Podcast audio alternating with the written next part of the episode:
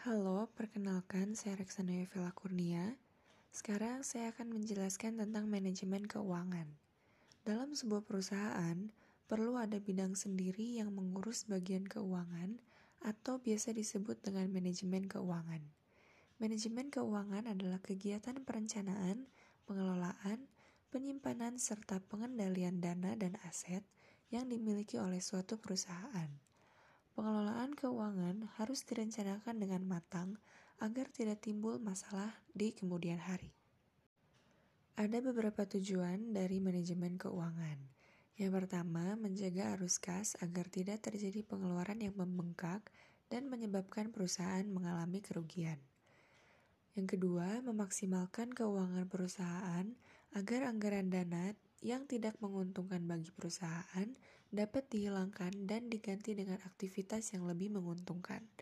Yang ketiga, ada mempersiapkan struktur modal di mana seorang manajer harus bisa menyeimbangkan anggaran yang dimiliki dengan dana yang dipinjam oleh perusahaan. Yang keempat, memaksimalkan keuntungan yang didapat dalam jangka panjang. Yang kelima, meningkatkan efisiensi dana perusahaan dengan memberi anggaran dana yang tepat pada semua aspek. Keenam, ada mengoptimalkan kekayaan perusahaan dengan memberi kepercayaan dan pembagian laba semaksimal mungkin pada para pemegang saham agar mereka tetap berinvestasi di perusahaan. Yang ketujuh, memastikan kelangsungan hidup perusahaan agar bisa bertahan di persaingan bisnis dan jangan sampai bangkrut. Dan yang terakhir, ada mengurangi biaya modal dengan membuat perencanaan yang tepat. Berikutnya ada fungsi dari manajer keuangan, yaitu planning yang meliputi mengatur uang kas, menghitung ragu laba, dan merencanakan arus kas. Lalu yang kedua ada budgeting yang berupa mengalokasikan dana untuk semua keperluan perusahaan. Yang ketiga, controlling dengan melakukan evaluasi terhadap keuangan yang sedang berjalan agar perusahaan bisa bertahan. Yang keempat ada auditing dengan melakukan pemeriksaan keuangan sesuai kaidah akuntansi demi menghindari penyelewengan atau penyimpangan dana perusahaan. Dan yang terakhir ada reporting untuk memberikan informasi keadaan keuangan perusahaan.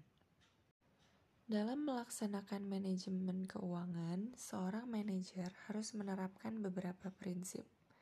Yang pertama, akuntabilitas untuk mengetahui dari mana dana diperoleh, dipakai untuk apa dana tersebut, serta bagaimana perusahaan memakai dana tersebut. Yang kedua, ada konsistensi dalam melakukan sistem keuangan perusahaan. Yang ketiga, ada kelangsungan hidup dengan memiliki strategi keuangan yang tepat agar perusahaan bisa terus berjalan.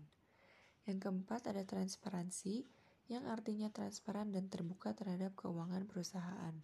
Yang kelima, ada standar akuntansi yang berarti semua akuntan di seluruh dunia harus bisa memahami tentang sistem akuntansi yang dipakai. Yang keenam, integritas di mana laporan keuangan harus dibuat selengkap dan seakurat mungkin. Lalu yang terakhir ada pengelolaan dengan menjamin bahwa dana yang telah dianggarkan dapat digunakan sesuai dengan tujuan dan rencana keuangan yang telah dibuat sebelumnya. Mungkin sekian penjelasan dari saya tentang manajemen keuangan. Sampai bertemu di podcast selanjutnya. Terima kasih.